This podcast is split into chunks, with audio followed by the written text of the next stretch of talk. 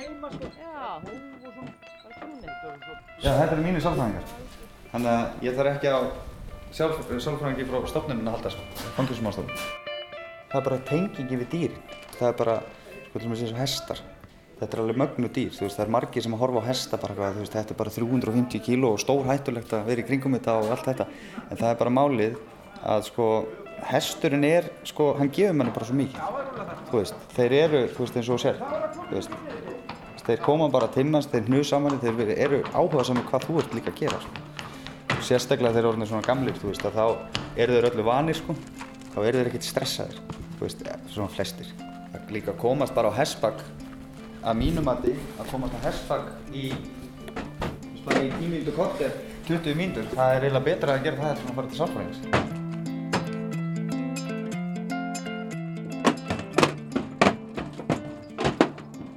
Við erum stödd á hestalegunni Sólhestum í Ölfusi og þarna heyrðum við Sturlu Þóralsinni sem er unni hér í fjögur ár.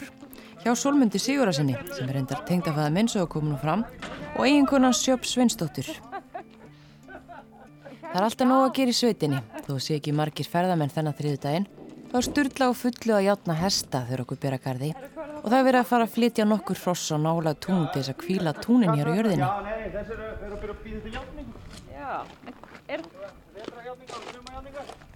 Sturla, eða Stulli eins og hann jafnan kallaður, byrjaði að vinna hér á hestalegun í nóvembur 2014.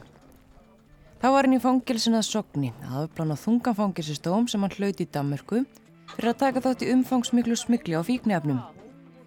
Sólmundu viðkennir á honum hafa nú í fyrstu ekkit litist allt og vel á að ráða fanga með svo þungan dóm á bakinu í vinnu.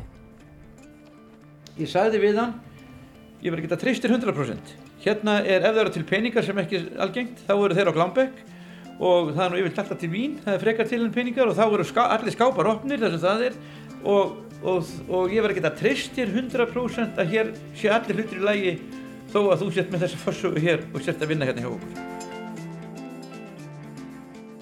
En áður en við höldum lengra, þá skulum við byrja á byrjunni.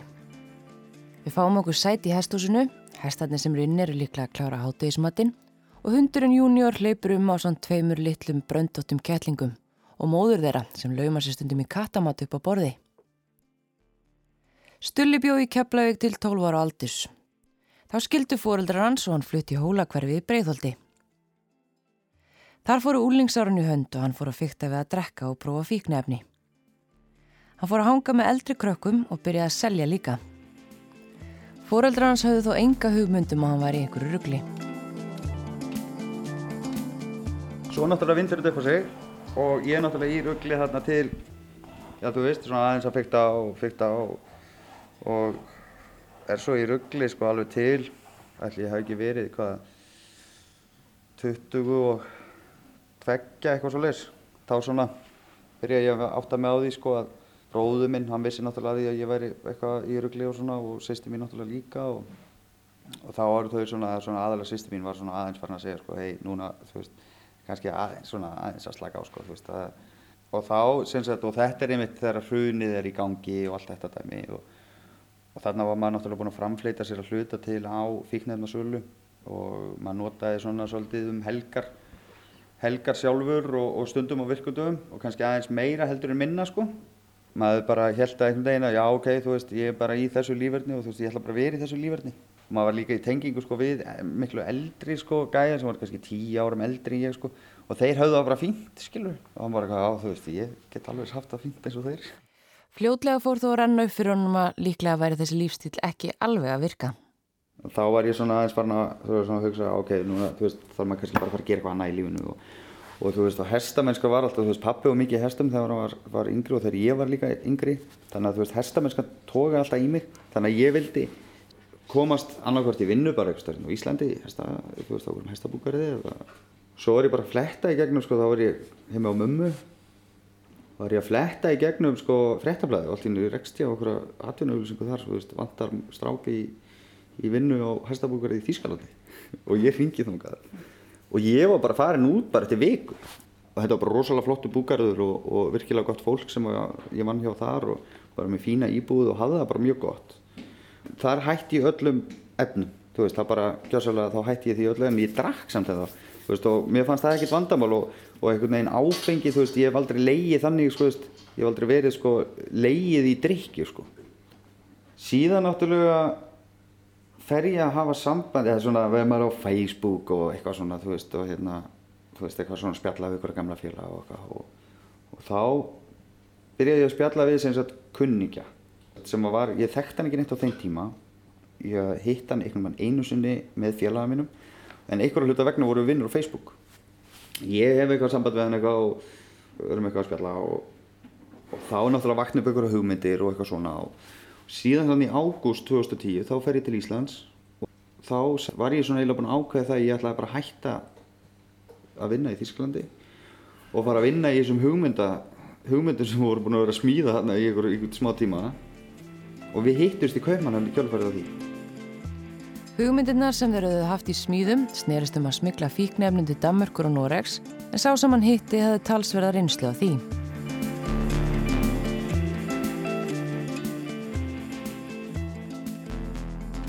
Þar byrjar svona ballið svona hægt og rólega uh, sem sagt í einhverjum svona bara smá sendingum og þá erum við bara að tala um í einhverjum, þú veist, ekki, þú veist, það er kannski 5 kíló af hörðum efnum sem voru flutt í einu. Og ég náttúrulega, skilur, tók þátt náttúrulega mikið í þessu bara, eða þú veist, gerði þetta bara sjálfur. En svo var þetta bara komið út í það að ég var það var bara orðið svo umfangsmikið eða þannig að þú veist við vorum orðinni fleiri. Og það voru menn sem voru að keira og, og, og á bílum og þess að það sem voru að keira á milli landa með miklu stærri einingar af fíknefnum. Þetta vatt fljótt upp á sig og smikringurinn var stærri og umfangsmeri. Þannig gáttu við sko unnið saman að hlutum, þú veist, hann hafði sína þekking á sínu sviðu og ég gætt græjað kannski aðeins meira heldur en, heldur en, að, heldur en hann kannski af bílstjórum og burðardýrum og eitthvað svona.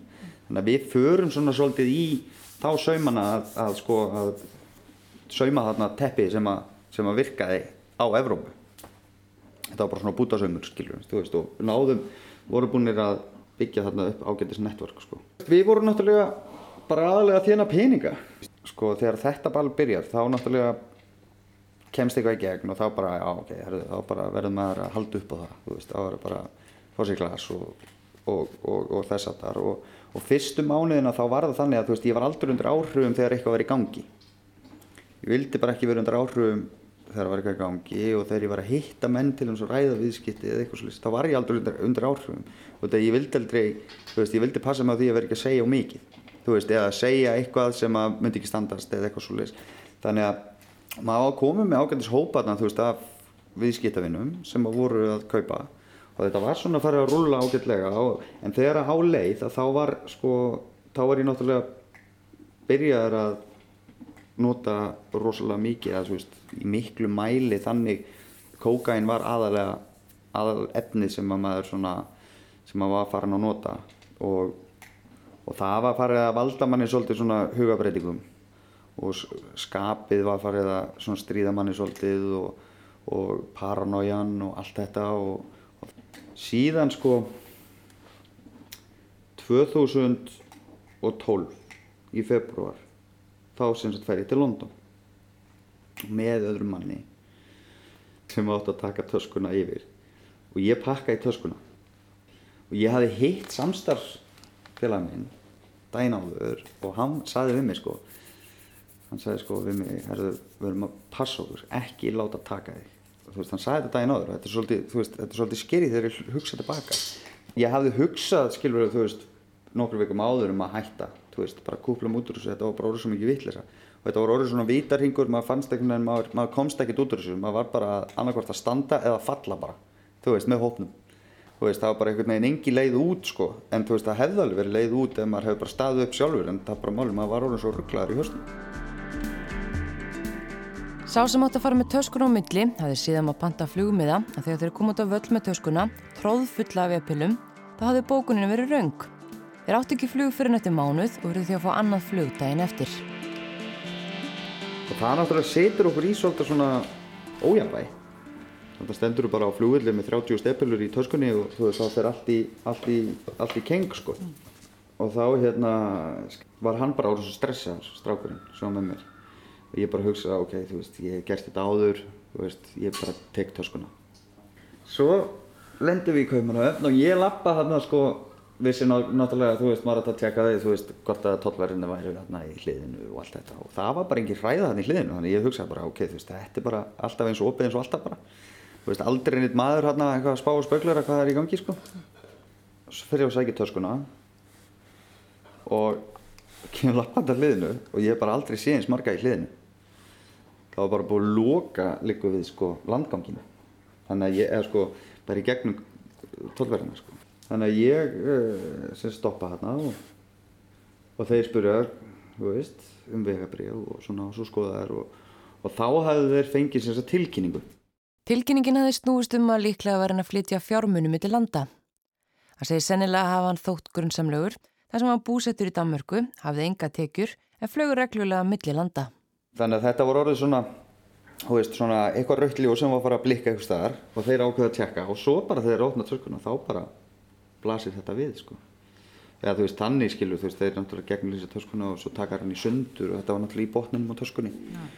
Ég náttúrulega, skilur, þú veist, saði ekki orð og þeir náttúrulega bara fluttu mig bara í, í, sagt, í fangaklefa bara inn á lörgstöð og hennar vinn minn líka.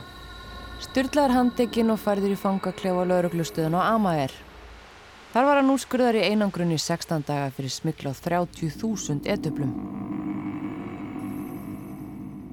Þegar ég kem þarna þá var ég eiginlega svona fegin að vera svona, þú veist, þetta er búið, sko. En samt einhvern veginn samt ekki alveg að fatta þetta. Ég var svona, bara, maður var bara í sjokki. Og maður var eiginlega ekki alveg að átta sig á því, sko, hvað maður væri búinn að koma sér í. Síðan hitti ég hennar lögfræðing og allt er lagi og við förum svona í gegnum hlutina og, og hann segir við mig, já, já, ég, veist, ég var með svona mál fyrir hálfu ári síðan og þú fær svona fjögur ár. Þú veist, strákum með svipamagn og þú. Og þá sem sagt hugsaði maður alveg að fjögur ár, ok, mér verður kastað át á landinu þetta eru ekki maður tvö ár inni, þetta líður. Síðan náttúrulega er ég þarna í þessari einangrun og síðan náttúrulega er ég að losna úr þessari rosalega einangrun sem að þeir kalla bara venjulega einangrun hérna, sko. og þetta var náttúrulega ekkert venjulega einangrun, þú veist, það var gluggi sem var í þryggja hálsmetra hæð uppi skilur, þú veist, sem þú gast valla, þú veist, þú veist, ég þurfti að klefra sko upp á innréttinguna inn í klefanum til þess að komast upp í gluggan bara til að sjá bara dagsljós skilur og þetta er, þú veist, þetta er náttúrulega vestrafangisi sem ég var þarna í. Og þetta er náttúrulega mjög gamalt fangisi þegar ég lappa inn í vestrafangisi þetta var eins og lappa bara inn í einhverju bíómynd þetta voru svona klefar sem voru alveg bara með endalanga ganginum sikur megin og svo kom stí upp í miðinni og svo net á milli og svo stí upp í miðinni og svo net á milli þannig að ef menn myndu kasta sig fram að það myndu bara enda í netinu sko. það var svona svolítið órumverulegt fyrir mér og þú veist ég þurfti að dingla til að fara á klósitið svo þurfti ég þegar ég var búinn á klósitinu þá þurfti ég að dingla til að komast af klósitinu sko. og þetta var stundu bara veist klukkutíma prógress sko. það var bara að komast á klósitinu og komast svo af klósitinu sko. þetta var ekkert aðlilegt sko. Að 16 dögum liðinum var hann fluttur í annað fangelsi. Og ég búinn að heyra því sko að veist þetta fangelsi sem var að vera að fara að senda mér í að þetta væri sko svona gengismeðlum að priority staður sem að stýði það að menn sem eru í ákveðnu gengi þeir hafa forgang inn í þetta fangelsi til þess að vera afstýjar frá öðrum föngum. Þeir eru það hættulegir? Já, hættulegir og, og, hérna, og já, það er bara, veist, þeir hafa svona neikvæð áhrif og geta kannski stjórnað örlítið meira heldur en aðrir. Og ég, þú veist, var búin að heyra þessu og ég svona hummaði þetta bara að mig og sagði, nei, þetta getur ekki verið, sko, þessu að senda mig þangað, sko. En ég kannast náttúrulega við nokkra aðila áður ég fór inn frá þessu umrætta gengi og við vorum náttúrulega, við vorum búin að vera í svona ágættir samskiptum áður Þannig að, og svona vorum svona ágættir skunningar. Síðan náttúrulega er ég bara fluttuður og þarna kom einhverju lauruglu menn í skotöldu vestum og, og vopnaðir og flytja mig þarna þegar ég átna mig og, og setja mig belti og, og ég bara hugsaði bara, þú veist, hva, hvern halda er þessu ég með í höndanum, skilur. En þá er þetta náttúrulega bara einhverja verklagsreglur hjá þeim. Síðan er ég keiriður þarna og þá er ég keiriður í Helsingöravast. Og það er um svona 50 mínútur frá Kaupanöfn. Síðan kem ég þarna inn og þá sem sagt er ég bara sko það er leita á mér og ég fyrir gegnum málumleitatæki og allt þetta og bara gegnum alla prógressin þeir segja, já, herru, hann á að fara upp á þriðhæð, þrýr F. Og ég bara, já, ekki mál. Ég spurði lögreglumennina þegar við varum leiðin upp eftir, sko, ég spurði að sko, hvort að við værum hvort það væri hérna þetta væri nokkuð, sko þetta gengis meðlum fangilsi sem að væri búið að vera að ræðu nei, nei, nei, nei, það er enginn svo leist þarna svo bara þegar þeir eru að opna hurðina á sagt, þessu þessari deild það var sem sagt matsalur. Þú veist þetta menn þarna þeir fengu sko að hérna þeir fengu að elda sér uh, bæði í hádeginu og á kvöldin. Svo þeir bara lokaðir inni þú veist tímana þar á milli og náttúrulega fengu útivist klukkutum á dag. En þarna þegar ég lappaði hann inn ég gleymi þessu móment aldrei. Þetta var svona móment sem að þú veist ég lappaði hann með verði og á þessum tíma þú veist að þá var maður þú veist þú veist, maður var bara eiginlega bara orðin svona svolítið illa haldinn, þú veist, maður var bara einhvern veginn búin að vera djamma alveg á fullu og búin að vera að fá sér og þá náttúrulega lettist maður og allt þetta. Maður var bara svona eitthvað svona písl sko, þú veist, maður var bara ekki orðin neitt neitt. Og allt er læg og ég lappaði hann inn og það setja bara hann átt að gæja hann inni við mataborðið og þarna var svona moment sko, ég hugsaði bara hvert er ég komin þú veist, þetta voru bara menn á stærið sko við skilur þú veist, bara einhverja sko kraftajötun sko kalla sko sem er alveg bara, bara full force í bara líkarsrækt skilur og hérna allir í tattúum og tattú yfir andlitið. Mann eftir sko einn hafa með svona hálft andlit á hann og tattú um kjúklingur sko og kjúklingur í hálfu andlitin á hann svo var hann sko, svo var annar gæði hann var einmitt með svona 666 svona þvert yfir andlitið sko, svona highway to hell sko. Ah. og maður bara svona hugsaði ok, þú veist þessi gæði, þeir eru sko þeir eru ekkert að fara að snúa upp blæðinu sínu sko.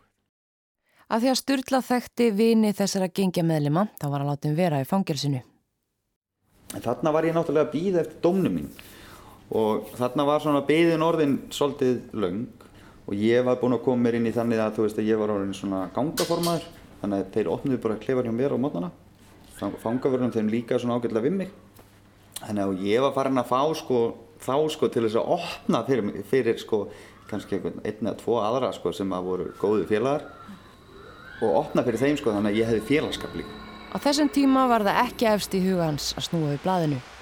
Hann hafði þó verið edru frá því að hann var handtekinn en bjóst við að fá stuttan dóm.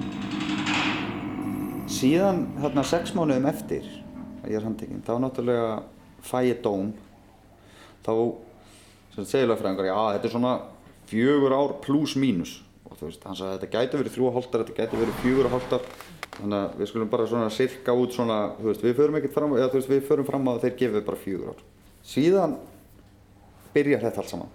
Dómurinn byrjar, þú veist, öll þessi vittnarleysla og allt þetta rótir í þá er mitt sko kemur einhver maðurinn sem var greinilega búin að vera að rannsaka einhver aðra menn heldur um mig líka sem að tengdust mér. Og þá segir hann svona við þá sko, þetta var, hann var tekinn annan sem vittni hann sagði já, Sturla hann er, hann er gera miklu stærri hluti heldur en við vitum um hérna inni sko. hann kastar þessu bara einhvern veginn svona fram og allir voru bara getur, hvað maður er þetta hvaðan kemur þessi maður, ég hef aldrei heyrt um hann og ég vissi ekki svona að hann væri að koma inn sem vittni sko. og þá sem sagt setna mér, þá var þetta einhver svona P.I.T. gæi sko, sem er leinið þjónastæmi í Danmarku þá sem sagt segir saksóknari við dómaran sko, hann segi ég vil fá minimum 8 ár á Sturla síðan fer ég bara inn í klefa með hann að dómaran er að ákveða og allt þetta og Svo er ég kallaður inn aftur og þá bara lappaði hérna inn og þá bara segir dómarinn bara Sturla Þorvarsson 8 ár og svo slæði hann bara hamriðum niður. Og þetta var náttúrulega bara eins og að fá sleggju í hausin sko. 8 ár, þú veist, að nú þarf ég að vera hérna í fjögur ár. Bara hvað er í gangi og ég fekk bara svona, ég fekk mikið sjokk sko. Hann áfríðaði málinu og skipti um lögfræðing. Síðan í kjölfærið af því þá eru aðrir íslendikar handteknir og inn í einhver mál sem að í rauninni ég hafði enga vitund um sko. veist, þetta voru einhver innflutningar á einhverjum efnum þarna eftir að ég var handekinn og einhverja rannsóknir veist, eitthvað sem mér í rauninni kom ekkert við. Og ég heyri eitthvað af því. Og síðan bara inn að þá náttúrulega frétti á því að það var búið að handtaka hérna flesta félaga mína sem voru með mér í svolítið Það var búið að uppræta smikliringin en ekki kom strax í ljós hver hlutur hvers var í honum og uppasmaður smygsins var komin í sama fangils og styrla. Hann sér hann á gungunum og fær fangilsistjóra til þess að flytja hann á gangin til sín. Síðan náttúrulega bara kemur eitthvað tilkynning frá lögurglunni að þú veist að mitt nafni fara að byrtast eitthvað upp í málskögnum hjá þessum umrætt aðila og það er bara að flytja mig og það strax þú veist það bara, þessi, þú veist, það bara má alls ekki hafa okkur saman úti þá vinna þér þannig að þeir, þú veist, þetta á hrauninu þá bara settur settur á sikur á hæð í, í vestafalli en úti þú bara sendur í sikur landslutan sko. þú veist, það er bara þeir bara vilja ekkert skemma varandi rannsóknir. Síðan kemur fangaður til mín og segir bara því miður Sturla, við þurfum að tilkynna það að við verum að flytja því í, í, í kögarast. Og ég var búinn að heyra mikið af kögarast. Þú veist, ég var alltaf að heyra þetta veist, og þá voru margir sem köllu þetta sko final destination. Og ég bara, þú veist, hva, af hverju að vera að flytja mig í kögarast það var út af því að það voru orðin svo margir í málunu eða öllum þessum málum, veist, sem voru að koma upp að það var ekki þetta að láta neitt sita saman þeir voru að það var einn í hverju fangisilíku sko. Þarna var Sturla komin í tvöfald gæsluvarðaldi í alvöndu fangelsi. Hann verist þó sjaldan degja ráðalaus og fann sér verkefni, var til að mynda fljóttorinn gangaverður. Þegar hann misti það starf út af máli sem kom upp í fangelsinu, tók hann að sér að vera eins konar húsvörður og sinna ímsum viðgerðum og hinn og þessu í fangelsinu. Hann er síðan kallaðu til og tilkynnti hann sér handtekinn fyrir smikla á 30 kílóum af amfetamíni. Mál sem átti af átt sér stað nokkurum mánuðum áður en hann var handtekinn. Þá var hann að vita að hann eigi hugsanleifur höfði sér 12 ára fangilsi til viðbútar við 8 árin sem hann hafi fengið dóm fyrir. Stutt eftir hann kom til Köge fær hann síntal frá íslenska sendiræðun í Damörku þar sem hann með tilkynnt að fadir hans sé komin á spítala, mjög veikur að krabba minni. Þarna var ég svona svolítið bara ennþá á þessu, veist, maður var ekkert svona alveg bara að spá í því að fara að snúa í blæðinu, sko. En náttúrulega þetta er náttúrulega ákveðin lífsbjörg, veist, ég er bara að þakka Guði fyrir það í dag ég hef verið handekinn. Síðan fæ ég þessi dómsgögnin og er að fara fyrir dóm og, og þá segir lögfræðingur, já þú færi náttúrulega aldrei 12 ár og þá var ég náttúrulega komin út úr þeim hugsunum að ég væri að fá 12 ár í viðbót, sagði að þetta náttúrulega gerist áður en að hitt gerist í rauninni, þannig að þetta er svolítið flókið mál og þannig að þú fær bara hegningarauka ef eitthvað gerist sko. En hann sagði að þú gætir endað, ef þú færið hegningarauka, þú veist, þú gætir endað kannski 12 árum í heildina, kannski 14 árum. Og ég var náttúrulega ekki tilbúin til að fara að játa neitt. Svo var eitt sem gaf skýslu í málunum og, og hann játar og, og þar kem ég greinlega sterkur inn, inn á blað. Þá var náttúrulega ekkert annað í stöðunni fyrir mig heldur en að, að fara að íhuga það bara að játa, sko. Ég ringi lögfræðingin og segi ok, við verðum bara að semja við þá. Veist, ef ég játa þá fæ ég þetta og þetta og þetta og þetta. Þú veist, það var bara ákveðin hluti sem ég fór fram á. Síðan náttúrulega sko fæ ég bara dómin og ég sem um það þú veist, það voru reynda 29 dómstar sem, sem þetta mál átt að vera, þetta var alveg svakalegt mál sko. Þannig eru kominu hvað margir aðalar inn í málið? Þannig eru kominir sko, ég held að verið þarna við hefum verið ykkur í tíu eitthvað svo leið sem voru þarna í þessu dómsal sko. Mér, ég sér svolítið eftir ég hafi ekki bara játað og bara, þú veist, og bara upplýst málið skilur eins og það var veist, ég sé svolítið eftir í dag út af því að ég hlut áttar á fangistóm þú veist, þá búið að gefa mig tilbúð um það að ég fengi fjögur á fangistóm ef ég myndi gefa upp þriðjamannin en ég gaf hann aldrei upp. Og það er einmitt það sem að, já, ég, svona, ég sé svolítið eftir í dag, þú veist, út af því að, þú veist, ég var gefin upp setna mér en svo er náttúrulega, sko fæ ég dóm bara hann á fyrsta eða fyrsta dómstegi, út af því ég samtið það, ég segi bara, ég nenn ekki að sitja hérna í 29 daga, sko þá fallast þér á það, ok, herðu við bara, þú veist, föllumst á það, þú fær tíu ári í heildina, sem er tvö ári í hegningar, auka og, og þess að þar og, og þú fær dóma fyrsta degi og allt þetta. Svo bara fellur þá svo dómur. Fljóðlega eftir að dómur fellur fær hann þær fréttir að hann verði framseldur til Íslands og geti lokið fangelsisvistinni þar. Þá voru liðin um tvö ár frá handtöku hans og ímestett hafi gerst á þeim tíma. Meðal annars að hann fari í sex mánuða meðferð á vegum fangelsisins. Þrátt fyrir að hafa þá verið edru frá því að hann var handtekinn. Meðferðina fór hann í til að breyta hugsunarhætti sínum. Hann var svo fluttur til Íslands. Og ég hérna fer með fangaverðum bara í bæi. Fer á skólaurst í þá og gisti þar einan nótt og svo fluttur á hraunið. Þá náttúrulega byrjar það bara skilur, þú veist, fara í gegnum allt þetta, tala við félagsákjafa, hver eru pluninn og allt þetta skilur þú veist og þetta er bara einhver svona spurningar sem þeir spurjað og þú veist og, svo, veist, og þótt að þú sért með einhver rosalega plön og viljir virkilega bæta þá þarftu virkilega að vinna fyrir því. Þeir eru ekkert á herður þú veist bara við græjum þetta þú veist þú virkilega hafa fyrir hlutunum. Og ef maður lætir ekki vita að sér reglulega þá gleymustu bara í kerfinu. Og mynd, ég gleymu þessu ekkert sko þegar félagsækjaðan sagði sko já herðu myndu bara eitt þú góður að minna á því annars, þú veist, út af því að þú ert svo hóvær og þú ert ekki inn í ruggli og eitthvað svona að þú veist að þá annars gleymistu bara Vegna alvarlegra veikinda föðu síns fekk Sturla fljótt fylgdarleifi til þess að fara á hittan. Það skiptir hann miklu máli að hafa náðu að vera komin til Íslands, geta hitt föðu sinn og gert upp sín mál gagvartónum, en fadir hans lést árið 2015. Stulli fekk síðan flutning í kvennafangilsi í Kópavogi og var svo fluttur á Sogn. Hann var þá búin að vera í skóla og vinna því að koma sér aftur út í lífið. Hann segist þó að fundið mikið fyrir félagsfælni og hafi sóst eftir því fangilsinu að fá aðstóð sálfræðings. Það maður náttúrulega búin að vera bara enni lokar í ykkur, búri bara með einhverjum ákveðnum einstaklingum og, og hérna og þá hérna sko þegar þú kemur svo út í veist mannfjölda sem er kannski 50-60 mann þú veist þá er það bara, bara veruleika sjokk og það er bara, veist það er bara ákveðið skref að vinna sér í gegnum það, skal ég segja þér. Ég sem sagt sæki um sem sagt að tala við sálfræðing svo er ég kallaði niður bara klukkutum að senna bara eitthvað, "Herru, ég sé að þú sett að sækja þetta um sálfræðing og eða þú fá að tala við sálfræðing og uh, þú þarf að skrifa hérna af hverju?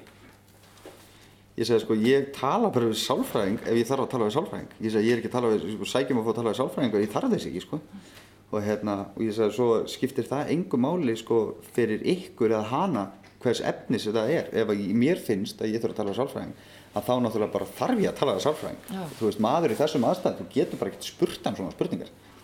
Og hérna, en ég skrifaði þarna, þú veist, vegna félagsfælni og var lengi einangrun. Þá hérna, sem sagt bara, svo heyrði ég bara ekkert meira, þú veist, og þá fór ég að tala við hérna, læknirinn hann og hann vildi endilega bara gefa mér töflur, sko bara, já, hörru, fáður hérna þunglutisli og dú, dú, dú, dú. ég sagði bara, þú veist, ég er ekki að fara ég er ekki að byggja um það, ég er að fá, byggja um að fá að tala við eitthvað, þú veist, ég er ekki að fara sko, ég er ekki að fara að bryðja okkur töflum hérna alltaf daginn, sko, bara getur gott glimt tífinu, sko. En svo ákvað ég að gefa því síðan, hann talaði mér svona inn á þetta, sagði þetta væri eitthvað og þetta væri ekkert ávanabindandi og eitthvað svona. Og ég hef ekkert verið í svona, þú veist, ég hef ekki verið á okkur ávanabindandi livjum eða, þú veist, og, og þú veist, maður hefur alltaf verið, ég, og ennþá daginn í dag er ég með svona smá fordóma fyrir því að þurfa að taka liv á hvernig degi, þú veist, fattar mig? Það er, þú veist, þetta er bara svona ákveðni fordóma hjá mér en þarna prófaði ég þetta í einn dag og, nei, nei, í tvo daga. Og aukaverkanina voru svo svakalegar, voru bara byrjuðu bara strax. Og ég bara sagði við fangarinn, ég sagði bara gleymi þessu. Þú veist, ég vil ekki sjá þessa töflu sko.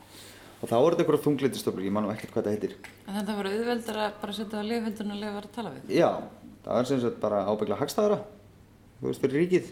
Svo líka er það náttúrulega bara ekkert mannskapur til þess að sinna öllum þessum mönnum skilur við, það, það, það er bara nokkuð einfalt það er bara, það er ekki mannskapur í heilbriðskerfinu niður fangelsiskerfinu til þess að sinna þörfum þessar manna.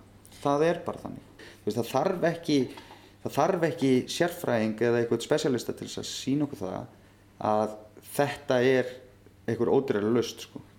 sko ef það sé tekið á vandamálunum inni og það er fyllt mönnum eftir þegar koma út í fangisunu að þá fara þær að skila sér til samfélagsins en eins og þetta er í dag þá er stór prósenda, ég er ekki að segja allir þá er stór prósenda sem kemur út skila engu til samfélagsins nema því að verða öllum til ama og gera allt vitlaust og hvað kostar það? Það kostar fangilsisvist, það, veist, það, það kostar mikið. Þannig að, sko, þannig að þetta reiknistæmi, það gengur aldrei upp, sko, í rauninni hjá þeim ekki fyrir þeir fara að gera eitthvað fyrir menn inni. En á þessum tíma þá satt ég inni með manni sem var með mér í máli og ég notaði hann bara svona sem svona hálfpartis sálfræðing. Spjallaði bara mikið við hann og hann var tölvöld eldri ég, aðeins með lífsreynslu kannski og þarna vann ég mig bara út úr, út úr félagsfælinni á vissan hátt Þarna var hann staðráni því að bæta lífsitt og koma út sem betri maður. Og síðan hérna sko fer ég á sogn og búinn að vera á sogn í tvær vikur og þá var búið að vera þessar fyrstu tvær vikur þá búið að vera umræða sko við hennan fangavörð sem að sem átti að taka það að sér sko að þú veist hjálpa mér að finna vinnu og allt þetta. Og hann var búinn að nefna einhverja staði inn í kring og svona og svo hugsaði ég já, þú veist, hvað með bara hestalegu þú veist, það er kannski svona svolítið fjölbreytt það eru hestar, það eru, þú veist það er kannski einhver svona, einhver smíðavinna og eitthvað svona, þannig að svolítið fjölbreytt og það er einmitt það sem að maður, sko það sem ég þarf þú veist, ef það sé of einhæft að þá einhvern veginn fæ ég bara leið á því, þú veist, ég er bara ég er með svo mikil aðtækisprest og ég er svo ofvirkur sko. Og þá sem sagt uh, ringi ég bara sjálf, sjálfur í það fyrirtæki sem ég vinn hjá í dag. Og hún leist ekkert rosalega vel á þetta fyrst. Og hann var í útlöndum hann og hann sem sagt við mig já ég heyri bara í þau þegar, ég kemur heim. Og svo heyri ég hann þegar, hann- hann kemur heim. Síðan bara hann að 20. og fyrsta eða annan nóvumber þá var ég bara búinn að fá skjál frá fangilsum ástöndum ég mátti vinna 10 tíma dag alla dagamániðina sem sagt 300 klukkustundur á mánu og sem sagt sko já og við myndum sko ég man ekki hvað samningur var eða sko þess, þetta skjál döði í langa tíma þetta voru eitthvað reynslutími, þrír mánuður eitthvað svoleiðis. Svo er það bara endur nýjað og síðan kem ég bara hérna og vin, náttúrulega byrja að vinna smátt og smátt og svo náttúrulega bara áður maður veit að þá var maður bara komin í blúsandi vinnu. Og ég var mjög aktífur líka veist, fyrir utan þennan vinnutíma þú veist, þegar ég kom úr vinnunni, sko, ég fór alltaf í vinnunni kljóðan 8 kom kljóðan 6 á kvöldin. Þannig ég var í rauninni ekkert á daginn svo var ég í skóla líka, þannig að þú veist, maður var að læra eins líka með. Þannig að maður var rosalega upptekinn og svo tíminn þar á milli að þá náttúrulega í rauninni þá var ég bara að gera eitthvað annað á sogni skilu, þá var ég bara að klippa herkið úti eða þú veist, bara slá blettin eða þú veist, ég var alltaf að gera eitthvað. Og hérna, girðingavinnu eða þú veist, ég var alltaf að gera eitthvað. Þú veist, ég hafði aldrei sko, það kom ekki dagur sem ég hafði ekki í verkefni sko. Þannig að hérna, og þú veist, og þótt að veri brjála veður eða snjó kom út, þá var ég bara út um okkur snjó sko. Þú veist, það bara skipt engum máli. Og það var líka sko það sem að sko, að að það var náttúrulega að komast í, í vinnu fyrir utan, komast út úr þessum aðstæðum. Og það var eiginlega það sem að svona, þá fór ég að finna fyrir því sko að þú veist að fólk var að fara að meta það sem ég var að gera og allt þetta skilur, ekki bara þetta umtali fjölmjölu og sturla dæmdur í þetta og, og dæmdur í hitt og þú veist gerði þetta og gerði hitt og, og hérna þá náttúrulega sko líka það að ég var náttúrulega í tengingu fullt af fólki á daginn. Og það náttúrulega vann mig ennþá betur út úr þessari félagsfælni og, og þessum, þessum vannlíða sem fylgdi því Sólmundur segir að sér hafi nú í fyrstu ekkit litist á það að fá dæmdan fanga í vinnu. Eh, Ég vissi reyndar ekki svo sem hver dómurum var sem hann hafði en bara það að hann var í fangelsi að ég, ég setti miklar efasemdi við það og, og ætlaði nú eiginlega bara að skella á en, en svo var hann svo, hann ringdi aftur í mig og ég tók eitthvað umhugsunarfrest og svo enda með því gaf hann séns að koma aðeins að vinna, einn, tvo daga að prófa og þá sá ég bara að maðurinn smelt passaði og, og er náttúrulega, það segir svolítið um hann hafi passað því hann er búin við fjögur ár hjá okkur. Og, og, og hérna, já og þetta ég vil nú þakka Margréti Frímansdóttir að hann kom til mín því að hún var með þetta úrræði var þetta var svolítið ofalega hjá henni að sinna þessu svona og, og hún hafði trú á þessu sem betrun sem ég var nú sammálenni og, og, og þetta er algjörlega henni að þakka held ég þessi, er tilraun Hann segir það ekki sjálfgefið að hafa fanga í vinnu. Reglur fangilsmálastofnunar séu til að mynda mjög strangar. Ég lýs honum bara, ég segi nú stundum sko, eins og hægt er að segja um marga eh, séu frekar vittlýsingar en glæpamenn sko. Því að sko, ég held að, að, hann hafi lent í þessum aðstöðum sko bara fyrir fáfreið og heimsku. Hann ætlaði að búa til pening á stuttum tíma og svo aðferð er yfirlegt ólögleg. Ef þú ætlar að eignast pening á mjög skömmum tíma þá er hún sjálfnast lögleg. Nema kannski á skemmtukröftum eins og hún sínum mínum, ég veit það ekki. En þannig að ég álíti hann frekar bjána en glæbón í þessum málum. En hann er ákaflega heilstiftur og, og þræl heiðalegu maður og með ólingindum að þessi maður skulle hafa setið í fangel sem er að minna í 6 eða 7 ár. Því að hann alltaf er með frelsisviftingu þann tíma þó hann hef, því hann fikk náttúrulega þó hann hef ekki setið allt saman sko, þá er þetta e, vend, öklaband og allt, allt er þetta frelsisvifting hann getur ekki, þegar við erum að skipulega einhverja túra með starfsfólki e, fara eitthvað sem tekur yfir einhvern ákveðin tíma, hann gæti ekki tekið þátt í því. Því hann var náttúrulega bundin að mæta á ákveðin tímum hvort sem það var vend eða öklabandi þeim hjá sér. Þannig að en, en ég tók eftir bara þegar hann losnaði frá þessu öllu eins og hann er í dag, nú er búið að klippa þetta öklaband og, og ég hafði aldrei minnstu áhyggjur á honum að hann myndi místíka sig eftir, eitthvað eftir það en það hefur það ekki gerst. Hann, hefur, hann er bara með þetta alltaf hreinu og, og er bara ákveðin í að, að bara feta rétt af veginn Myndur þú mæla með því fólk að, gefa fengum séns? á- Já, ég mæli heiklust með því að, að, að ef að bara kerfi spila með þessu ef það er ekki einhverju möpputýr í Reykjavík sem að hérna er eiðalegja þetta eins og er verið að gera núna með umfjöllun frá ASI um að þessi menn sé eigi að fá eh, standa alveg, já, þetta, ég segi standa ekkert jafnfættis öðru vinnuafli. Það verður bara að gera sér grein fyrir því. Þessi menn eru í frelsusiftingu og þú ert að taka þá inn í fyrirtækið og þú ert að taka, þú ert að hafa gengið vel hjá okkur, þá eru fyrirtæki að taka sjens, taka dæmda menn inn í fyrirtækið. Og þetta eru, þetta eru öðruvísi vinnuafl. Og, og þetta er betrun að mennin séu í vinnu. Og jafnvel þó það verður kauplausir, þá eiga þeir að fara út úr fangilsinu og vinna. Það bara gerðu, það bara gerðu fólk í sveitum og annað og, og, og þeir fá að borða og annað þarna upp frá og annað, þeir, það á bara að koma mönnunum ef það er, einhver, ef það er möguleik að treysta þeim, láta það að vinna. Yðjuleysi er vesti óvinnum anginsins og sá sem er yðjulegs það er mjög stutt í að hann gerir eitthvað djöfulan af sér. Best er að hafa nóga vinnu. En svo náttúrulega bara heldur mín vinna áfram og fljótlega eftir að ég byrja að vinna hérna þá byrja, byrja ég með sagt fyrrum kærastunum minni sem ég átti áður ég flytt út til Þýskalands. Og en hún hefur aldrei verið í nefni óreglu eða neitt svoleiðis. Þannig að mér fannst þetta rosalega heppilegt bara að ná mér aftur í hana ef hún væri á velaból, þú veist og þá hérna þá væri, þá væri ég bara hérna þá væri ég bara í góðum málum. Og já, við byrjum saman þetta bara í februar 2015 og erum saman ennþá dæn í dag. Og, en þá svona var komin líka svona alvari, svona svolítið alvari í lífið. Þú veist, það var svona, maður er komið vinnu og vinnuveitandi minn, hann var náttúrulega búinn að gefa það út upp mig, skilur þú veist að ég var náttúrulega bara ráðin hér til frambúðar ef ég vildi, skilur þú veist, þetta okkar samstarf það einhvern veginn bara small strax. Þú veist, það náttúrulega hann var náttúrulega svolítið stressaður fyrst, skilur, að vera að koma með einhvern stórglæpamann á svæðið og já, þú veist, stór glæpamann, þú veist, ég var náttúrulega bara maður sem að var að búa til peninga og var eitthvað skemmt, þú veist, ég ætlaði nú ekki að skada einni neitt eða þú veist, maður gerir sér ekki grein fyrir svo þinn tíma. En svo þegar ég er sem sagt að vinna, hérna, þú veist, þá náttúrulega bara vindur allt upp á sig, þú veist, þá byrja ég að, þú veist, veist, ég náttúrulega missi bílprófið mitt þarna 2009 og veist, ég tek bílprófið mitt aftur hérna í róluheitunum og, og hérna rúla bara í gegnum það og og held bara mínu striki, þú veist, er bara stundar mín að vinnu og, og, skóla og, hérna fæði sem sagt kærastunum mína í heimsók. Síðan náttúrulega fer bara að koma að því að ég er sagt að fara að koma á vendina. Og þá náttúrulega, sko, er ég látið bara að skrifa undir ykkur pappir og þú veist, og það var ekkert svona, þú veist, jújú, jú, þú ert með vinnu og allt þetta en það var aldrei neitt, sko, ég fann aldrei fyrir því, sko, einhvern veginn að væri haldið einhvern veginn utan, utan um mína andlega heilsu.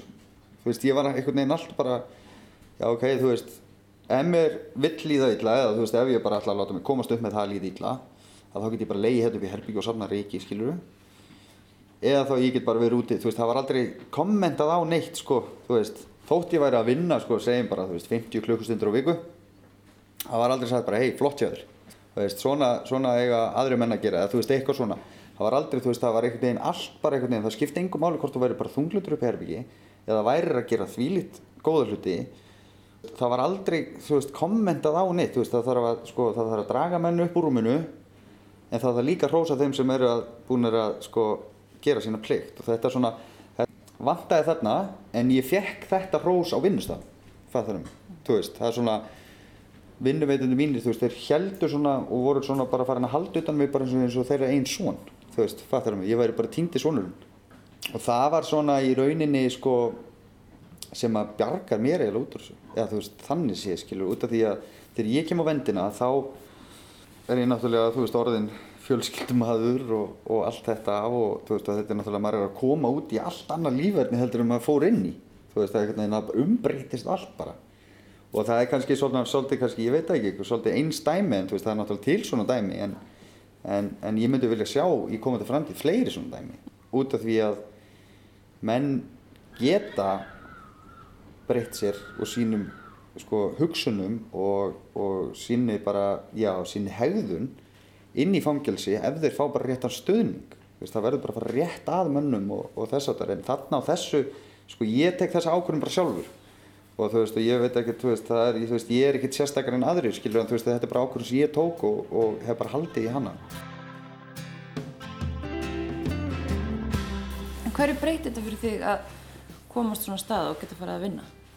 Það náttúrulega breytist þannig að, þú veist, ég er að náttúrulega koma út úr þessu öllu dæmi með aðeins meira svona bakhjall. eða sem sagt með, ég er búinn að byggja undirgrunin svolítið, þú veist, búinn að undirbúa mig. Uh, ég er búinn að venjast svolítið frelsinu og það sem býður mín þann úti. Og líka það bara að þú veist að þurfa ekki að byrja því að fara að sækjum félagslega bætur eða, eða þurfa að fara í eitthvað örgumat út að ég er orðin öryggi út að ég er búinn að setja svo lengi inni. Veist, þetta er svo mikið þú veist, þú veist, það eru svo margir sem að gætu gætu snúi gjössanlega við blæðinni hjá sér varðandi, þú veist, þurfa ekki að sækja um svona félagslega bætur eða hvað sem það nú kallast örgubætur eða neinar svona bætur ef að þessi vel haldið utan á alla þeirra afplánur eða þess að gefin þann kostur. Þú veist, já, ef þú vill bæta þig ef þú sért virkilega vilju til þess að gera það af hverju ekki að leifa um það? Fyrst að vanta alla svona betrun í fangilskerfi. það vantar prógram inn í fangilsin þú veist, það er náttúrulega alltaf einhver vinna og, og þess að það en það er bara skortur á starffólki það er skortur, þú veist, það er skortur á þessu öllu saman. Einhvern veginn sko en það, það er þú veist, maður heyrir alltaf einhverja svakalega fjárhæðir í gangi í þjófélaginu en svo er aldrei til neitt peningu til að gera neitt sko. þannig að sko, þannig að jú það vantar, það vantar þessi prógrum, þú veist, að taka menn frá stig, frá stigi til stigs. Þú veist, eins og meðferð, hvað svo fara svo bara menn á gang bara með gömlu félagunum sem voru að, voru að fá sér með tvei mánuðum áður.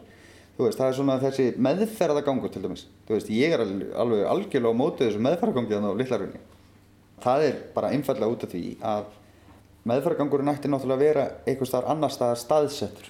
Þú veist, ég er ekki á móti meðferðinni sjálfri á litlarunni en í sjálfur sér er ég sko á móti hvar hún er staðsett. Hún er náttúrulega staðsett í miðjuhúsinu það sem er reyndar í nýja húsinu á litlarunni en þarna eru menn í neyslu á öllum hæðum í kring. Menn á meðferðagangurinn þeir fara út með öðrum mönnum á sama tíma sem er í neyslu. En þegar ég til dæmis fór í meðferð úti að þá var sem sagt sko þá máttum við ekki hitta neitt sem var í, á öðrum göngum. Veist, við vorum bara í meðferð sko. við vorum bara gjössamlega einangraði frá öllum öðrum. Þannig að sko og bara meðan að meðferðinu stóð sko. Og síðan voru þeir náttúrulega rosalega duglir náttúrulega kerfið þar er miklu stærra og það er náttúrulega miklu meiri, fleiri fangar og svona. Það sko ef að flokka menn hérna á Íslandi niður eftir hegðun og öllu þessu þú veist þá voru bara einhverju sex alltaf saman sko. Þú veist, eða, þú veist þetta verður bara eins og bara fjárrétt sko. Þannig að í rauninni meðferðar úrræði það ætti náttúrulega að vera annarkvært staðsett eitthvað annar staðar litla rauninni eða það bara hinnlega bara eitthvað annar staðar þú veist, ef menn vilja fara í meðferð þá bara fara þær í það og það er bara rekið af fangilsinu og þú veist, það, þú veist, það mun koma miklu betur út. Ég, bara, ég er alveg samfærið um það. Og Margrét Frímans á sínum tíma og félagsarkjæðina, ég man þetta í þær spjölluðu lengi vel við mig á Littlarhrauninu og spurðu mig að því sko, það voru tveir sem kom frá Danmark og báðir hafi farið gegnum meðferð. Og það er svona sáu alveg ótrúlegar einhvern veginn svona, svona breyting þótt þeir þekkt okkur ekki á þur og þeir sáu bara að við vorum á allt annir leið heldur en flestir sem voru með þarna. Þú veist, og það er spurðið bara hvernig gera þér þetta að núti þú veist, hvað gera þér en það er bara málið, þeir bara þér ekki að komast upp með einni neitt. Það er ekkert verið að beigja og sveigja okkur reglur eins og hérna á Íslandi. Það er nefnilega málið. En sko en ég náttúrulega þú veist, ég hef náttúrulega þakka Margréti Frímas fyrir það þú veist, hvað hún gerði fyrir mig á sín tíma. En það er ekkert margi fleiri sem ég get taka fyrir innan kerfisins þú veist, út af því að sko það sem ég í rauninni hef unni fyrir þú veist, varðandi andlega heils og allt þetta, þetta hef ég bara mestuleitt bara verið að vinna sjálfur og þau sem ég er að vinna hjá þú veist, hafa stutt mig andlega og, og allt þetta.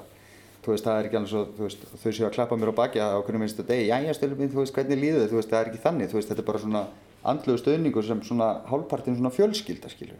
Þú veist, þótt í mér hefur nú ekki skort fjölskyldu í mínu lífi en samt er rosalega gott að, þú veist, að líka það að svona utankomandi fólk og taki manni bara eins og vennilegu manni.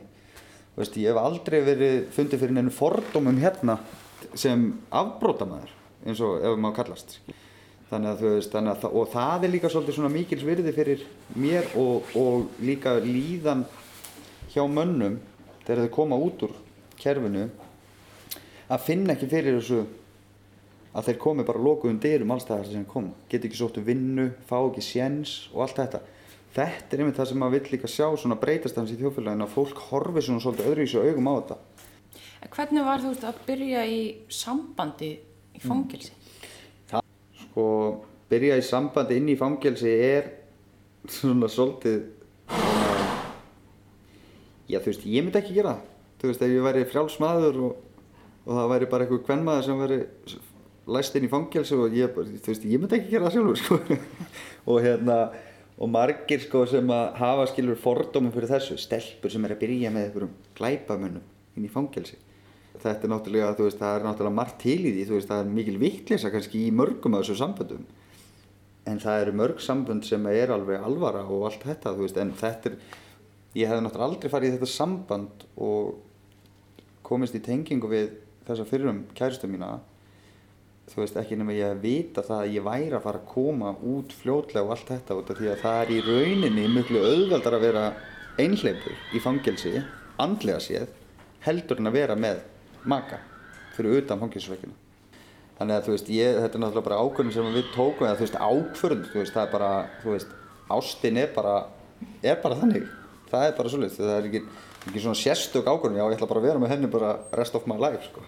Það er, það er ekki alveg þannig, en, en þú veist, en þetta er bara eitthvað svona sem að small, þú veist, hún kom í heimsókn og þú veist, og svo bara vattit upp á sig og, og líka bara virkilega góð stelpa og, og, og hefur staðið við baki á mér sem klettur og líka bara það að vera með þennan sko þú veist, ef maður á að kalla það, þennan pakka hún og tvær stelpur og vera líka, þú veist, þetta er bara svona já, maður er bara í rauninni bara að koma út með fjölskyldu í höndunum. Þú veist, ég er að koma út úr fangelsi eftir öll þessi ár. Ég er að vinna alveg eins og brjálæðingur. Og náttúrulega mín vinna, skilur þú veist þú veist, það er kannski ekki alveg eðlilegt hvað mínu vinnutímar eru stundum margir en maður er bara að reyna að stunda sína plikt og, og standa við sitt líka. Að, og síðan er maður með fjölskyldu og maður er að reyna að láta þetta allt hanga saman og maður er að koma aftur út í frelsu og maður er að venjast í líka frelsinu og þetta er bara miklu meira en að segja það sko. þetta er miklu meira en að segja það. Og ef að ég hef til dæmis ekki gegnumfært meðferð til dæmis í Danmörku og fengið þarna verkværi hvernig þetta að vinna út úr ákveðnum tilfinningum og, og svona setja staðins niður með sjálfur mér ákveðnum tímapunktum og svona, já ok, þú veist, hvað er að gerast að þá væri ég ábygglega fallinn sko, ef ég hef ekki fengið þessi verkværi með mér sko. Og hérna, út af því ég gæti ekkert gert þetta bara allt sjálfur, þú veist, ég varð að sækja mér eitthvað verkværi á leiðinni veist, og það gerði ég í rauninni í Danmörku og svo náttúrulega líka það að þú veist, þetta var náttúrulega rosalega frelsi að fá að fara út úr fangilsun okkur með einsta degi frá nóvumver 2014 og alveg þannig að ég fór á vendina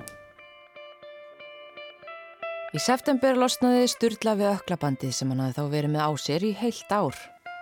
Það var svolítið skrítið. Vera laus við öklabandið. Ég ætlaði nú aldrei að finna skæri til að klippa þetta þessu öklabandöfur. Klippum að Já, já, þú klippir það og skila svo inn tækjana bara sjálfur, sko. Já, sjálf. Og ég ætlaði, ég var alveg, alveg arfa villu sem þetta, ég fann ekki skæri og hérna, og svo loksins fann ég þau og gætt klippt þetta að mér og, og hérna, setti þetta bara í póka og kerið með þetta niður á hérna Seltjarnarnes þakkaði bara fyrir viðskiptin og lappaði út en það var svona ákveðið frelsi en það var líka ákveðin ótti líka þegar ég var að keira niður niður ringbröðuna til dæmis bara þá var bara svona, þú veist, þá kom svona bara eitthvað svona ótti yfir mig, þú veist, nú er ég bara að losna, nú er þetta bara algjörlega minni ákvörðum, sko. Og einhvern veginn svona, það, það fóru marga tilfinningar í gegn á þeim tíma og, og líka áður, þú veist, nokkur um áður ég átt að losna, þú veist, þá fór maður að hugsa, þú veist, veist, hvað ef maður dettur í það, hvað ef þetta gerist, veist, hvað ef þetta, þú veist, að núna er bara lífið að taka við, en svo hugsaði, ok, ég, akkur þarf þetta að vera eitthvað öðruvísi heldur en áður, eða fattar mig, þegar ég er búinn að fá svo langan aðlöðunartíma, svo náttúrulega sko átti ég og konu mín, þú veist, við áttum pantað flug til Tenerife og við fórum bara strax í frí daginn eftir. Og það er held ég það sem að bjargaði mig svolítið. En svo náttúrulega kom fangavörur hérna á þeim tíma sem að ég var úti og var að sækja um vinnu fyrir annan fanga hérna. Menn ég var í fríi og og þá er mitt sagði vinnuvitandum minn við fangavörðin að ég væri bara á Tenerife. Og þá sagði hann bara er það sniðugt fyrir mannin að vera á Tenerife? Hann er ný, ný laus og allan detti ekki bara í það eða eitthvað svona sko. Og þetta er svona þetta viðhorf þú veist það er eins og menn get ekki farið í frí og, en þetta var minn líkill að því til þess að losna við þess að hugsun með öklabandi á löpunum mér og ég var bara orðin frjáls. En náttúrulega er þetta ekki holdt fyrir alla. Þetta er það ábygglega detta margi bara beint í það. En þetta er náttúrulega búið að vera rosalega, veist, þetta er búið að vera rosalega skrítin tíma, þetta er búið að vera upp og niður og þetta hefði getað farið miklu verð. Uh, en ég held að þetta hefði ekki getað farið betur. En það er náttúrulega líka það að, veist, að, að gera meira þessu, að, að leifa mönnum að fara að vinna fyrir utan sem að hafa tröst til þess. Það er náttúrulega margir sem hafa ekki tröst til þess. En þá náttúrulega bara búið til einhver önnur úrræði fyrir þá til þess að vinna upp þetta tröst sem þeir þurfa til að vera að vinna fyrir utan. Hvernig sér þið fyrir það framtíðin? Framtíðina, það er erfitt að segja sko. Ég eiginlega bara ákveðið það að framtíðin mun bara leiða það í ljós sko. Veist, ég, sko, ég, ég ger ekki stór plön í dag sko. Veist, allan ekki eins og er. En þú veist, maður er náttúrulega alltaf að hugsa eitthvað. Þú veist að, þú veist, ég er náttúrulega búsettur í Reykjavík. Ég langar rosalega að flytja hérna í, í hérna, flytja hérna í, í sveitina, þú veist, á einhvern tímapunkti. Þannig að þú veist, það er svona framtíðarplanið eins og það er í dag en, en það er náttúrulega framtíðarplanið er náttúrulega bara að halda áfram að vinna hér og, og hérna, ég er náttúrulega mikið að vinna hérna og í Reykjavík. Þannig að hérna, hann er allan að meðan að ferðarþjónustan er í gangi. Þannig að það gerir maður fátt annað. Það er bara þannig. En það er náttúrulega framtíðin er líka bara að vera edru. Það er bara þannig. Og halda sín striki. Það er bara nummer 1 og 3.